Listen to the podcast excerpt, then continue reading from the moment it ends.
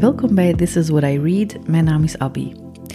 Ik ben niet iemand die snel nieuwjaarswensen uh, uitspreekt en goede voornemens oplijst en al dat gedoe.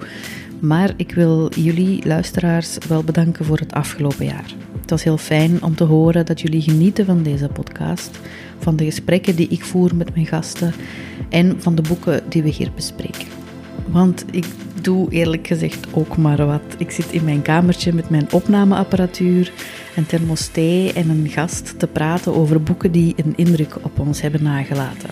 Dus het is heel leuk om te horen dat mensen er ook graag naar luisteren. Dank jullie wel. Oké, let's get to it. Een tijd geleden sprak ik over The Nickel Boys, de laatste roman van Colson Whitehead. Mijn gast was schrijfster en spraakwaterval Dalila Hermans. Veel luisterplezier. Welkom Dalila. Hoi. Uh, eindelijk kunnen we elkaar spreken voor ja. uh, This is What I Read. Uh, want je komt uit een nogal hectische periode, mag ik dat zo zeggen? Dat mag je zeker zo zeggen, ja. Het is heel druk geweest. ja, what happened? Ah, what didn't happen? Um, het is gewoon, ja, de najaar zijn... De najaars, zeg je dat zo? Najaars of najaar? zijn meestal druk bij mij. Dat is een periode van veel spreekopdrachten, veel... ja, mijn column begint dan terug na de zomer. En dat is sowieso hectisch. Drie kleine kindjes die dan heel veel aandacht vragen. Uh, de boekenbeurs die ertussen springt. En dit jaar uh, was er ja, het, het mediastormpje van dit jaar. Maar er is er zo elk jaar wel eentje. Ja, inderdaad. Je bent auteur. Uh, je hebt drie boeken geschreven. Een autobiografie, een kinderboek en een thriller. Um, en er Komt er nog een aan? Er komt uh, nog een nieuw kinderboek aan en er komt nog een uh, nieuw klein uh, non-fictieboek aan. Oké. Ja. Ben je iemand die zich niet in een hokje wil laten steken? Qua genre bedoel ik dan? ik vind dat heel fijn dat ik zo van alles kan doen tegelijkertijd. En ook om mezelf gewoon uit te dagen, maar ook omdat ik denk, ja, er zijn, er zijn zoveel verhalen te vertellen. Ik zou dat jammer vinden als ik die altijd in dezelfde vorm moet vertellen. Dus dat klopt wel, dat ik niet graag in een hokje zit. Dus het is niet zo dat je op zoek bent naar een genre waarin je dan altijd gaat willen blijven schrijven. Nee, absoluut niet. Ik denk dat het altijd zo hek op de tak zal blijven. Ja. En kan je iets vertellen over het nieuwe kinderboek? Of is dat nog... Ja, jawel, ik kan er al veel over vertellen. Mm -hmm. um, ik heb, uh, mijn eerste kinderboek was Brown Girl Magic. En uh, was ja, een boek een beetje geschreven met mijn dochters in het achterhoofd, maar um, om jonge um, in de eerste plaats bruine meisjes, maar, in maar ik denk dat je het breder kunt zien, gewoon kinderen uh, te empoweren. Um, dat ik het gevoel had van, er is, er is ten eerste heel weinig um, materiaal te vinden voor uh, ouders die, die zich vragen stellen over uh, racisme en het effect daarvan op hun kinderen bijvoorbeeld, of, of over ouders die boeken zoeken over, om het zelfbeeld van kinderen te versterken. Dat is best moeilijk. Ik heb dat echt geprobeerd. Mm -hmm. dus ik wilde echt een boek schrijven. En um, ja, in eerste plaats was dan de doelgroep zo die bruine meisjes. Maar ik heb dan van heel veel mama's de vraag gekregen van, ja, maar ik heb zonen en ik wil daar ook een boek voor. En ik dacht, ja, ik heb eigenlijk ook een zoon. Um, dus het, de opvolger is eigenlijk, het is echt een beetje een opvolger. En dat is Brown Boy Joy. En dat, gaat, uh, dat heeft eigenlijk dezelfde boodschap in zich als het eerste boek, maar is veel meer gefocust op de specifieke dingen waar jonge uh, ja, waar bruine jongens tegenaan lopen. Waar mm. meer gaat over hoe dat volwassenen hen percipiëren en sneller volwassen vinden en hoe dat zij als gevaarlijk worden beschouwd zonder reden. Hoe dat ze heel vaak al heel snel een aantal zo gekkigheden verliezen. Dat is echt een, een, een ding. Um, dus daar gaat het nieuwe boek over. Wauw, oké. Okay. En dan een non-fictieboek, zei je? Ja, um, daar, ik weet niet of ik daar al heel veel over mag zeggen, uh, maar het is een beetje een... Um, een, een, een soort essay. En het is een verzameling van de inzichten die ik heb gekregen na vijf jaar zo in het oog van de storm te staan, van, van de antiracisme-strijd of whatever, dat je het wilt noemen hier in Vlaanderen. Uh, want ja, ik heb mijn columns natuurlijk en ik heb wel plaatsen waar ik daar iets over kan zeggen, maar ik ben dan altijd gebonden aan een woordenaantaal en, uh, en altijd heel veel bezig met de reacties die daar dan op gaan komen en, en anticiperen op wat misschien mensen zouden denken of zouden terugreageren. Uh, en dit wordt gewoon een, een soort van pamflet eerder van, kijk, dit is wat ik hierover denk, dit is wat ik hierover te zeggen heb en nu wil ik het over iets anders hebben. dat is een beetje de point. Het, het, lastige bij het kinderboek is dat ik natuurlijk moet wachten op de illustrator. Hè? Die is heel uh, druk bezet. En het uh, uh, non-fiction zal heel snel zijn, want dat is eigenlijk bijna af ook. Dus dat gaat ergens in, in begin van 2020 zijn. Het is bijna af. Ja. Dalila, waar vind je de tijd met drie kinderen en al die opdrachten om nog boeken te schrijven? uh, ik schrijf heel veel s'nachts. Dat is uh, niet zo heel gezond waarschijnlijk, maar, uh, maar het werkt voor mij. Dan is het stil. ik schrijf sowieso snel. Uh, ik denk heel lang. Hè. Dat duurt lang voor ik beslis, nu ga ik het opschrijven. Maar als het dan eruit moet, heb ik het in mijn hoofd al, al een paar keer geschreven en herschreven. Dus dat helpt. Uh, en ook voor mij is dat is schrijven ook echt vaak een, een, een vorm van self, self-care of zo. er zijn andere dingen die ik doe, spreekopdracht, die dat ik echt zie als werk. Want nu moet ik naar mijn werk gaan. En, uh, maar schrijven helpt mij heel vaak om uh, zelf mijn gedachten te ordenen. Of zelf mij, dus even stil te staan met, oké, hoe voel ik mij hier nu echt bij? Want ik moet het, ik moet het kunnen opschrijven. Dus um, dat voelt voor mij niet aan als werken. En dat helpt om het gepland te krijgen. Uh, nu even over wat je daarnet ook zei, uh, over een mediastormpje. Uh, je hebt een tijdje geleden publiekelijk afscheid genomen van de VRT. Ja. Ik, daar heb je het over, hè? Ja, daar heb ik het over. Um, daar werd nogal heftig op gereageerd. Ja. Vooral door mensen uit de media zelf. Ja, um, ik verschoot daar zelf heel hard van. Want je zou denken dat ik het intussen gewend ben om af en toe... Mm. Maar ik denk dat ik een aantal pijnlijke uh, plekken heb aangewezen. Uh, waar mensen in de media al, al heel lang rond aan het zijn. Ik ben ook zeker niet de eerste dat dat heeft gedaan, absoluut niet, maar ik ben wel de eerste dat zoveel platform kreeg. Um, dus dat al, van, ze kunnen zich ook niet meer blijven wegstoppen. Als, ik werd door heel veel mensen nog steeds wel gezien als een van de meer toegankelijke activisten die best wel vaak begrip toont en opdaagt. Als ik al zeg van uh, enough, dan moet er iets aan de hand zijn, zo dat gevoel.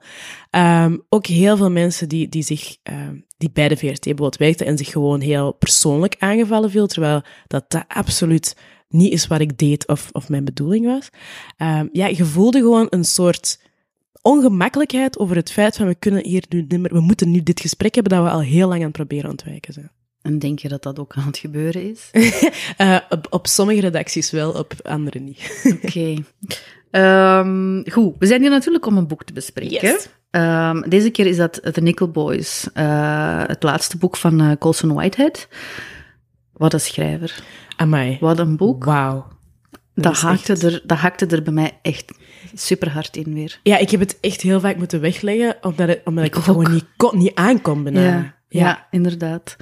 Um, misschien moet je kort eens even vertellen hoe het begint of, of, of waar het over gaat? Het, het verhaal um, volgt Elwood, dat is een, uh, het hoofdpersonage. Dat is een uh, fictief personage, maar het verhaal is wel gebaseerd op iets wat echt is gebeurd. Dus niet zo heel lang geleden, ik denk 2010 of 2011, zijn er op de gronden van een voormalige um, reform school, hè, zo een, een, een school waar gestrafte jongens terechtkwamen, zijn er minstens 55 lijken gevonden op een verborgen kerkhof. en ze zijn daar nu nog onderzoek naar aan het doen. Uh, maar daardoor is dus eigenlijk uh, aan het licht gekomen wat voor gruwelijke uh, toestanden zich achter die, die muren afspeelden. Um, en um, Elwood geraakt, is, een, is een zwarte jongen ehm, in, die in de jaren zestig jong is, hè, een tiener is. En eigenlijk een heel, hele goede gast. Mm. Geraakt door een heel stom toeval waar hij helemaal geen schuld aan heeft in die school. En we volgen eigenlijk wat hij daar allemaal meemaakt. En dat is gut-wrenching. Echt verschrikkelijk hartverscheurend. Ja. ja, ik vind ook die eerste zin van het boek. Even in death, the boys meant trouble. Ja. Ik vind dat zo straf, want de toon wordt meteen gezet. En we weten, dit wordt geen light reading. Dit, nee. wordt, dit wordt pijnlijk, dit wordt horrible gewoon. Dus Elwood komt terecht in Nickel. Uh, zo heet de school. Er is, uh, of uh, school, het heropvoedingskamp. Ja. Er is segregatie, dus de witte jongens zitten in een apart gebouw, de zwarte jongens zitten in een ander gebouw. Um, er is wel veel groen, er zijn sportvelden. Mm. Dus Elwood denkt bij zichzelf, kijk, zo erg is het nog niet. Uh, maar dan... Blakely took Elwood through the front door, and it was swiftly clear that outside was one thing and inside another. Ja, en Elwood probeert dus eigenlijk een beetje zijn, zijn draai te vinden, connectie te zoeken met de, met de andere jongens, want hij is de new guy. Uh, en maar dan ergens later in hoofdstuk 5 is er een gevecht waarin hij tussenkomt, waardoor ja. hij naar Spencer ja. moet, de headmaster, de hoogste in rang in die, in die strafschool. En we weten eigenlijk al dat hij gestraft zal worden. Mm -hmm. Het is alsof Elwood van het ene ongeluk in het andere terechtkomt ja. en op die manier wordt zijn lot verzegeld. Geloof jij zelf ook in het lot? Ik vind dat een moeilijke vraag. Ik, uh, ik denk soms, over mezelf kan ik, zo, kan ik daar wel poëtisch over denken en denken van, ah ja, heel veel dingen in mijn leven waren meant to be en het is duidelijk een, ah, dit kan geen toeval zijn. Um, maar, maar positieve dingen of negatieve dingen? Positieve en negatieve dingen. Dat ik soms denk van die negatieve dingen hebben ervoor gezorgd dat ik nu dit en dit kan. Maar, uh, maar ik, ik, ik, ik, koppel dat los van een groter geloof in, uh, in dat idee, want dat zou daar ook betekenen dat er heel veel mensen gewoon niet uit hun muziek. Allee, ik vind dat een heel moeilijke gedachte, want als ik denk, ik kan dat, ja, ik kan dat op een mooie manier uh, vertellen over mezelf. Dat is het lot geweest dat ik mijn man leren kennen. Het is een lot geweest. Maar uh, wat dan met mensen die het heel slecht hebben? Moeten die dan ook denken, ja, dit is mijn lot en het kruis dat ik me draag? Ik vind dat een, een heel mm. moeilijke Um, En, en in, in dit verhaal, want uh, de, de manier waarop Elwood uh, in die school terechtkomt, is hij is eigenlijk op, op, uh, op, hij staat op het punt om naar de universiteit te gaan. Ik denk dat hij zelf onder, zelfs onderweg is naar, naar de universiteit. Hij is, op, hij is te voet, maar dan stopt er een auto naast hem die hem wil, een, ja. hij wil hem een lift geven. Er zit ook een, een zwarte man aan het stuur, ze vertrouwen elkaar. Of hij vertrouwt die man. Maar het ongeluk is dat de man aan het stuur eigenlijk gezocht wordt voor... voor uh, hij heeft die auto gestolen. Ja. En natuurlijk, uh, er is een witte politieagent die hen uh, oppakt en die Elwood dus in zo'n strafschool doet belanden. Geloof je dat dat het lot is van Elwood? Uh, op dat moment, uh, als, we, als we terugdenken aan, aan segregatie, aan uh, de jaren 50, 60 in, in rural America, of eigenlijk in heel Amerika. Ja. Ik denk eh, dat het, dat het gewoon aantoont hoe compleet random racisme de wereld maakt. Doordat, doordat dat systeem bestaat, dat concept bestaat en zo weligteert, kan, kan je letterlijk voor om geen enkele reden kan je, je hele leven kapot gemaakt Dat heeft dat voor mij weer, weer eh, heel pijnlijk duidelijk gemaakt. Dat het, um, het is niet zozeer het lot dat dit heeft bepaald, het is het feit dat er, dat er heel veel racisme um, uh, leefde in die tijd. Mm en, en dat trekt zich door in heel het boek. Ja. En uh, daar heb ik ook aan gedacht van... Het, e- de, in sommige scènes moest ik heel vaak denken aan de film Sleepers. Ik weet niet of je die ooit hebt gezien. Eh, nee. Uh, maar, dat is een film met Brad Pitt. En die gaat ook over zo'n reformschool. En uh, over, maar over vier uh, witte jongetjes aan. uit Hell's Kitchen in New York. Die, en ja, die tonen ook echt heel gruwelijke situaties van seksueel en, en fysiek geweld. en er wordt ook wel eens een keer gehint naar racisme. Maar dat is helemaal geen echt thema in hmm. die film. Um, en dit is zo die gruwel, met daar dan nog eens de, de pikzwarte saus van racisme over. Wat het dus bijna onleesbaar maakt met momenten. En, maar je moet het lezen. Hè? En het is ook heel mooi geschreven. Dat vind ik wel heel belangrijk. Het is niet wat het zwaar is. Dat, er zitten heel poëtische mooie zinnen in. Uh, heel veel mooie reflecties. Maar, um, maar het is bijna uh, niet mogelijk, denk ik, om het in één druk uit te lezen en daarna nog iets anders te gaan doen. Omdat het zo'n mokerslag ja, ja, inderdaad. Ik had het ook uh, uh, op dat moment, uh, wanneer Elwood effectief wordt gestraft. Ja. Ik heb dat echt in horten en stoten gelezen. Dat is niet zo'n heel groot hoofd, alleen een heel lang hoofdstuk, maar ik kon dat gewoon niet lezen. Het was zo gruwelijk gewoon. Ja. Ik heb ook vaak gedacht aan, aan Coach, het Tennessee Coach, Between the World and Me. Ja. Dat was lange tijd een van mijn ja, boeken dat ik het langst van slecht ben geweest. die heeft ook op een gegeven moment omschrijft hij ehm, hoe slaven echt mensen mhm. waren. En hij doet dat op een heel lichamelijke manier. En dat is ook een beetje wat er hier gebeurt met die straf, waardoor dat je dat bijna voelt. Um, en dat vind ik zo straf en zo sterk gedaan, want ik ken al die die verhalen wel. Mm. Ik weet dat er lynchings waren. Ik weet dat er, mm. ik weet met mijn rationeel verstand heb ik daar zelfs beelden van en ik kan daar, uh, maar dat is intussen zo'n abstractie geworden bijna, dat je dat klasseert ergens als, ja, een beeld, een soort van uh, image, hè, van, mm. oh ja, hij kreeg dan slaag. Maar als je dan echt leest en dat je echt eigen maakt, dan pas besef je de, de, de gigantische zwaarte van, van dat alles. Ja, en de ontmenselijking eigenlijk. Hè? Hoe ver dat je. Ja. Hoe die 400 jaar slavernij in Amerika eigenlijk echt uh, ook 400 jaar. Ja, niet alleen de ontmenselijking van, van het zwarte lichaam, ja. maar ook van, van jezelf. Want je moet jezelf in staat kunnen stellen. Je, moet je moet zelf in staat kunnen zijn om zo'n gruwelijkheden te doen. Dus je ontmenselijkt jezelf eigenlijk ook. Hè? Ja. Uh, is wat Toni Morrison uh, mij heeft geleerd. Het is een absurd gegeven en, en sowieso is het echt gebeurd. Maar, uh, en dat staat ook ergens in het boek, uh, dat die Spencer bijvoorbeeld, uh, daarna gewoon naar huis gaat en waarschijnlijk wel een goede vader is of zo. Ja. En waarschijnlijk ook gewoon vreugde en verdriet heeft en misschien een, een traantje wegpinkt bij het afstuderen van zijn kind of zo. Dat, dat vind ik heel, heel moeilijk om te Mhm. vatten. Mhm. Want je blijft denken, en zo is het ook een beetje afgebeeld in, in heel veel eh, films en zo, dat ehm, dat, dat monsters eh, zijn. Mhm. zijn. Eigenlijk is het zo, hè. Maar, ehm, maar dat die ook heel de tijd een monster zijn. Ja. of zo. Net zoals dat we van nazi's ook alleen maar de monsterlijke kant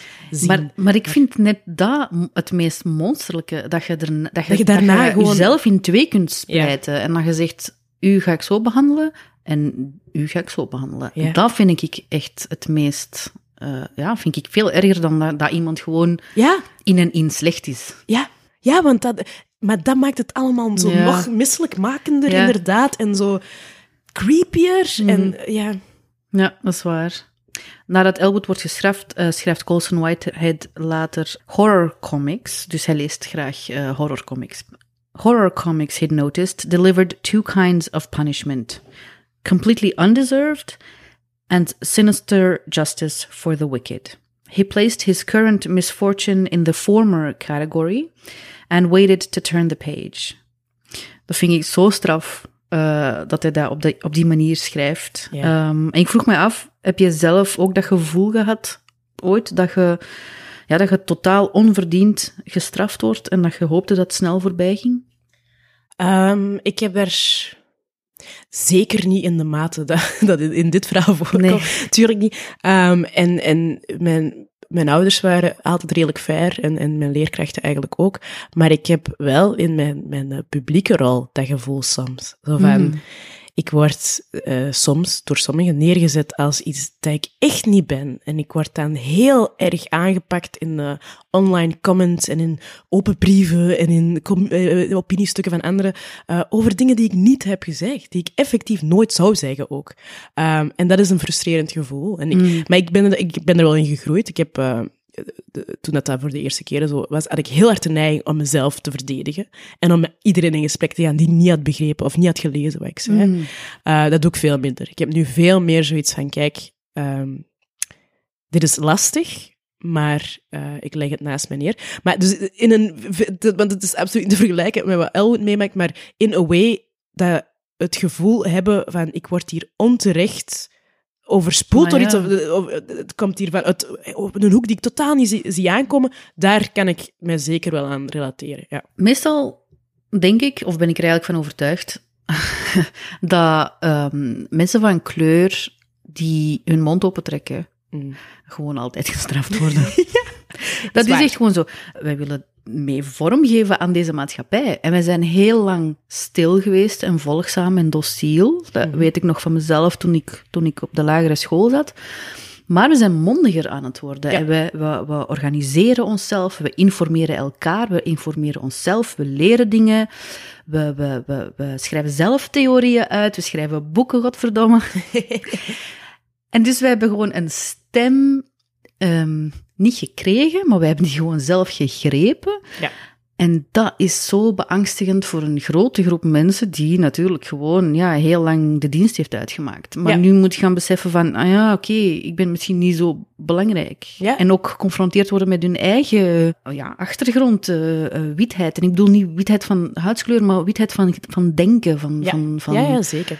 En ik denk, ehm, zeker vrouwen trouwens, want er is, zo een, er is Ja. een schone kruisbestuiving van racisme en seksisme. Daar kunnen we ook nog een half uur over praten, maar ik zal het kort houden. Eh, maar vrouwen van kleur die zich publiek uitspreken tegen Maar zeker ook nog eens extra zwarte vrouwen. Ja, de, dat is de, de, ehm, de tegenwind is zo virulent, dat is echt bijna, je moet nu, je kop moet eraf. Mm. Hè, want je hebt hem boven het maaiveld gezocht, je moet eraf.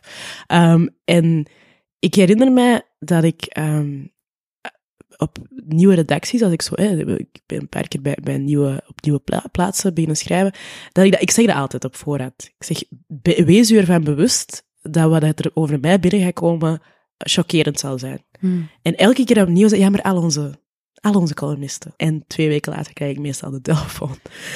van, oké, ja, we Dit get is it toch now. van een ander kaliber. Ja, dus eh, dat is gewoon zo. En dat, dat, is, dat is historisch zo, dat verandert ook niet. En ehm, Ik denk dat dat... Ik heb er ooit zo, zo een quote dat ik zelf dan uh, had geschreven op mijn Instagram gezet, maar dat, dat is echt omdat wij um, de status quo zo bang maken. Mm, het is ja. zo belangrijk dat wij zwijgen, want ja, alles ja, ja. Moet, moet in, in stand blijven. Um, en ik denk ook bij mij, heel persoonlijk op mezelf uh, getrokken, een van de redenen dat ik uh, zoveel um, aandacht heb gekregen, helemaal in het begin, toen ik mijn eerste uh, open brief schreef, vijf jaar geleden of zo, dat ik zoveel aandacht heb gekregen, is omdat ik op een heel rare manier um, nog vervelender ben omdat ik, ik ben geadopteerd. Mm. Mijn ouders zijn witte Vlamingen. Mm. Ik heb alles gedaan wat een Vlaams kind doet. Ik zat in de KSC. Ik, ik kende heel die wereld zo goed. Ja. Dus als iemand als ik zei, het is een gigantisch probleem, dan was er geen weerwoord. Ik kan niet zeggen, maar uw taal, of ja, maar je moet u aanpassen, of ja, maar uw cultuur, of je gaat maar niet naar hier moeten komen. Ze hebben mij naar hier gehaald. Snap je? Ja. Zo, ik, dat, dat, was zo frustrerend, ja, voelde ik, bij mensen die probeerden um, mij onderuit te halen, van we vinden niks. Totdat, nu is zo een van de populaire dingen, die heeft een adoptietrauma. zo, oh om zo God. toch maar iets te vinden, om, om het te kunnen verklaren waarom ik dat zou zeggen. Um, uh, maar ik heb dat toen heel hard gemerkt, van... Ik ben gevaarlijk, precies. Terwijl ik mezelf zo nooit heb beschouwd. Tot nee, ik bedoel, je bent niet gevaarlijk in de zin van, oh, je gaat straks aanslagen plegen of zo. nee, nee. Maar je bent wel gevaarlijk in de zin van dat je mensen... Um, ja, dat je mensen eigenlijk laat weten van, hé, hey, kijk, uh, je bent hier niet alleen, hè. En nee. ik ben hier ook, en ik heb ook een stem, en ik heb ook recht van leven in deze maatschappij. En dat is inderdaad zo, dat morrelen aan, aan de status quo, aan hoe het altijd geweest is, dat is echt het grootste, ja, dat is het gevaarlijkste dat wij nu aan het doen zijn. Ja. En, maar het belangrijkste, dus we mogen daar echt gewoon niet mee stoppen. Nee, nee, dat is zeker Elwood uh, is, uh, is ook grote fan van de Reverend Dr. Martin Luther King Jr., toen hij nog bij zijn oma woonde, heeft ze hem een plaat gekocht met een, um, een speech van Dr. King. Dat komen we dus ook te weten in het begin van het boek al. Maar eigenlijk tegen het einde van het verhaal, wanneer hij al die miserie heeft moeten doorstaan, begint hij te twijfelen aan de woorden van Dr. King, uh, die na zijn verblijf in de gevangenis uh, ervoor pleitte dat liefde tegenover zij die ons haten zal overleven. We lezen The capacity to suffer. Elwood, All the Nickel Boys existed in this capacity, breathed in it, ate in it, dreamed in it. That was their lives now. Otherwise, they would have perished. The beatings, the rapes, the unrelenting winnowing of themselves, they endured. But to love those who would have destroyed them, to make that leap? Want we citeren ook uh, Dr. King, die dan zegt. Uh, We will meet your physical force with soul force. Do to us what you will, and we will still love you. Elwood shook his head. What a thing to ask. What an impossible thing. Ik vind het heel straf hoe dat het in dit boek wordt gekaderd. Want ik heb altijd die woorden van King uh, symbolischer ingekleurd dan dit. Ik heb altijd gedacht dat als hij zei to love, dat is niet echt wat hij bedoelt. Ik denk niet dat hij verwacht van mensen dat ze um, oneindig lief hebben. Ik denk eerder dat hij dat een, een, dat het een, een strategische soort manier voor hem was om daar te geraken waar dat we moesten zijn. Maar ik, ik, dat is gewoon mijn interpretatie. Hè? Ja, ja, ja. ja. Uh, en, en ik vond het heel straf omdat hier, omdat in, in het boek uh, wel eens gewoon letterlijk te beschouwen.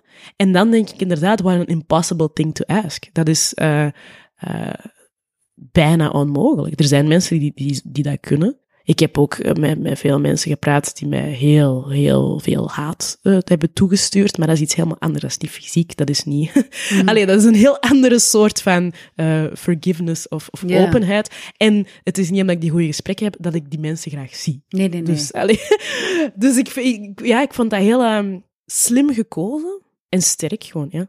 Nu, wat je er net zei, ik denk... Um, dat Dr. King zelf ook een transformatie heeft doorgemaakt. Ja. Allee, dat is, dat is hoe ik naar zijn leven kijk. Maar als ik nu bijvoorbeeld denk aan veel Amerikaanse liberals en bij ons ook veel uh, progressieve, ik bedoel dan witte progressievelingen, die vinden ook meer aansluiting bij Dr. King in plaats van Malcolm X of, of Black Panthers. Vaak omdat ze vinden dat Dr. King dus meer vredelievend was, omdat hij over liefde sprak en niet, niet zou oproepen tot verzet by any means necessary, zoals Malcolm X deed. En ik vind het jammer voor Elwood dat hij hier een Dr. King leert kennen voor Die transformatie. Ja, ah, voilà. En misschien dat ik daarom ook zo reageerde daarnet, denk ik. Mm. Omdat ik inderdaad het hele, de hele body of work uh, in, in, in overweging neem. En inderdaad, als, uh, als de derde van het boek leeft King nog, hè, en is, hij mhm. nog, is echt aan het beginnen, dat is 1963 of zo. Mm um, en ja, ik heb me daar ook altijd heel erg aan geërgerd, uh, hier, in, hier bij ons dan, um, dat Dr. King zo door, door witte mensen zo werd, wordt opgehemeld, maar, maar dat ze stoppen in de helft van, van zijn parcours. Ja, ja, ja. Want... I have a dream is het beginnen. Ja, ja, ja. I've been to the mountaintop. Dat is de belangrijkste speech. Ik heb er ook al over geschreven. Dat is de enige speech die je moet lezen. Dat is een speech die hij ge gegeven heeft de avond voor hij gestorven is. En daar hoor je um, een radicale denker die, die, die bereid is om het met zijn uh, leven te bekopen. Die oproept tot boycotten. Dat is een heel andere... Uh, uh, Dr. King dan degene die hier zo populair is. En ik vind dat zelfs bijna unfair. Dat je, als, is, hè, als ik zou, zou beoordeeld, ja, als ik ooit zou beoordeeld worden op de eerste uh, twee jaren dat ik over dit thema schreef, dan zou ik wel heel jammer vinden dat dat mijn legacy was. Van ja, ze zei gewoon, doe mij aan rijden, doe je zo. En, en kom veel op televisie, want representatie is tof. Allee ja, dat zou mijn legacy zijn dan. En dat is niet fair. Dat is niet fair nee. tegenover uh, Dr. King. En ook intellectueel niet fair. Nee, want Alleen, we mogen ook niet vergeten dat, dat hij door de FBI werd bestempeld als een van de gevaarlijkste mannen in de VS. Als een, ja, als als een en die werd ten tijde van, van, dat hij nog leefde, werd hij konst, werd hij gehaat. Hè? Ja, dat is ja, niet, nu wordt er zo over gedaan alsof dat de grote uh, uh, peacekeeper was, maar die werd, die, ja, die werd toen constant bedreigd. Er waren hele groeperingen en, en, en de overgrote meerderheid van, van de samenleving haten hem. Ik vraag me wel af, wat vind je... Um, dus eh, Dr. King heeft zo het imago van een brave predikant te zijn, mhm. maar eigenlijk... hij zal ook tot de conclusie komen dat liefde alleen niet, uh, niet tot verzoening zal, zal leiden, of, of, dat, of dat bruggen bouwen niet tot verlossing zal leiden. Ik heb de laatste maanden heel veel gehoord dat we bruggen moeten bouwen en, mhm. en, en dat we moeten verbinden. Uh, ik word daar zelf, uh, ik merk het nu als gewoon aan mezelf nu, want ik word er heel lastig van. Ja. Maar ik vraag me af, Um, want jij gaat heel veel spreken, ook bijvoorbeeld op, op scholen of, of bij ja. bedrijven of zo, over racisme.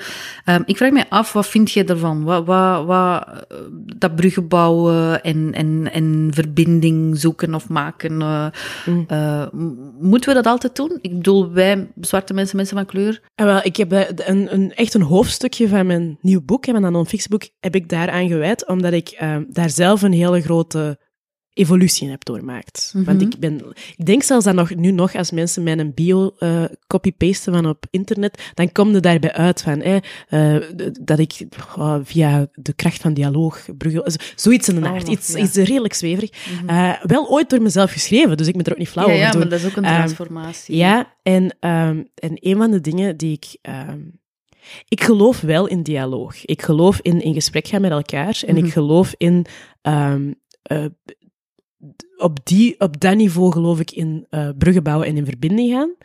Uh, omdat ik gewoon heel realistisch wil zijn. Ik denk, ik zou het heel jammer vinden als we een gesegregeerde uh, maatschappij hebben waarin dat, mensen van kleur een andere realiteit leven dan... Maar we hebben een gesegregeerde maatschappij. Ja, we leven daarin. Tuurlijk. Dat is onze realiteit. Maar ik zou dat niet willen uitkristalliseren. Maar, maar waar ik nimmer in geloof, en daar mm -hmm. ging het eigenlijk hoor, waar ik nimmer in geloof, is de manier waarop um, die dialoog verloopt. Het Eenzijdig. is eigenlijk... Ja, het is ik, ik wandel over de brug met al mijn... Ik moet eerst onderweg al mijn trauma's strooien. Um, als een soort van eh, koekjes. Mm. Om, om de, de brug aantrekkelijker te maken.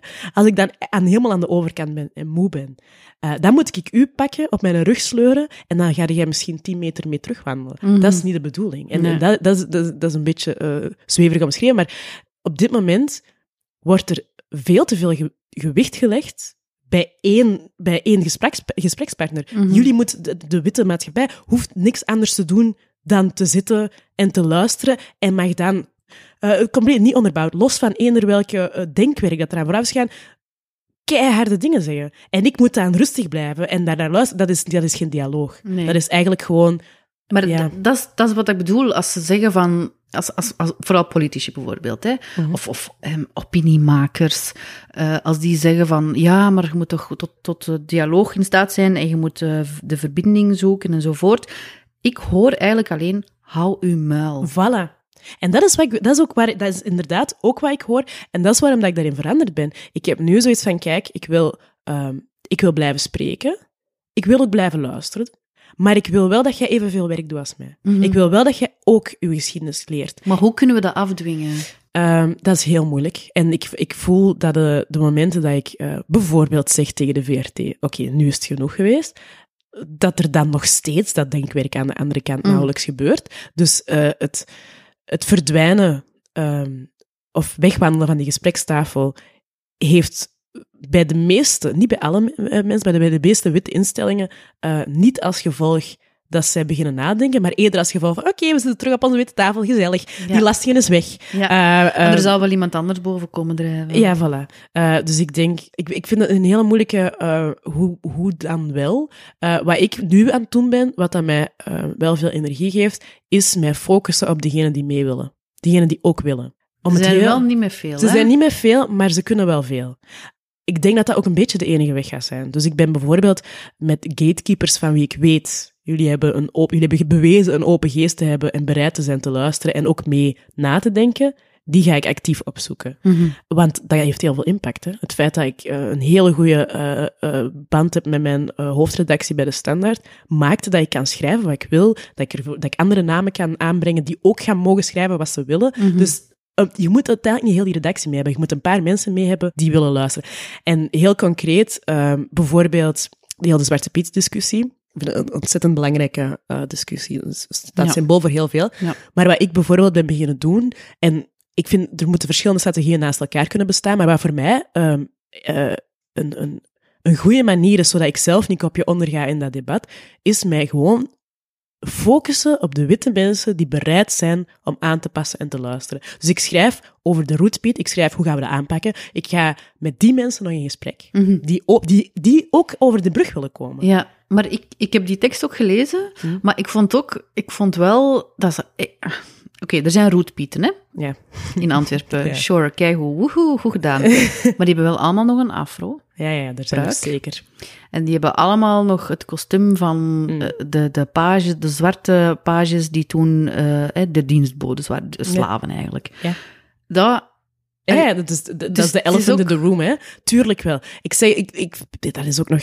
Het is ook een beetje absurd dat ik daar zo voorzichtig in ben. Ik weet ook niet of ik dat moet zijn. Dat is voor mij ook zo nog een beetje een, een afweging. Maar ehm, ik wil daar gesprekken over hebben. Snap je? Dat, dat Ja. stuk van de dialoog wil ik voeren. Ik wil Mhm. dat mensen mij daarop wijzen ook. En, en dat is voor mij de verbinding die ik nog wil. Wat ik Mhm. niet meer wil doen, is met mensen die duidelijk hebben beslist, ik ga niet luisteren naar u, daar nog mee in gesprek gaan. Dus en, het is maar één voorbeeld, maar ik heb dat op, op veel niveaus tegenwoordig van...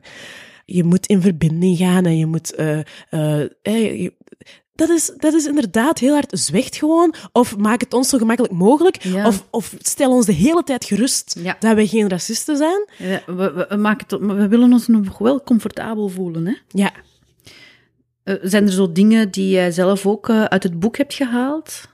ik, had, ik voelde een heel vreemde ehm, eh, verwantschap met de Elwood als hij nog buiten is, als hij nog gewoon vrij is. In het begin van het boek, ehm, er waren heel veel, veel eigenschappen van hem die ik zo'n beetje herkende. Zo, ik was ook wel een beetje zo'n zo'n kind of zo. Mm. Allee, ehm, ehm, met een heel overontwikkeld rechtvaardigheidsgevoel. En dat heeft Oh ja, heel- dat heb ik ook, Ja, ja. ah, wel ja, maar dat vond ik heel verfrissend, want ik heb dat eigenlijk nog weinig eh, gelezen in, Ja. in, eh, in personages.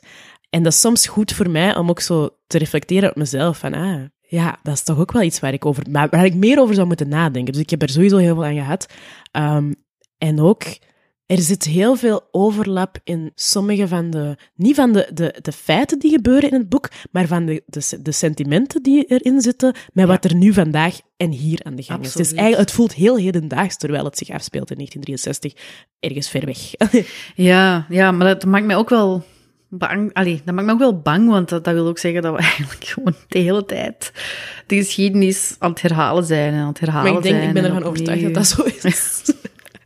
Dat is echt geen deprimerend. hoopvol, eh, geen hoopvol einde, hoor. Nee, ja, we gaan het einde, het absolute einde gaan we niet verklappen.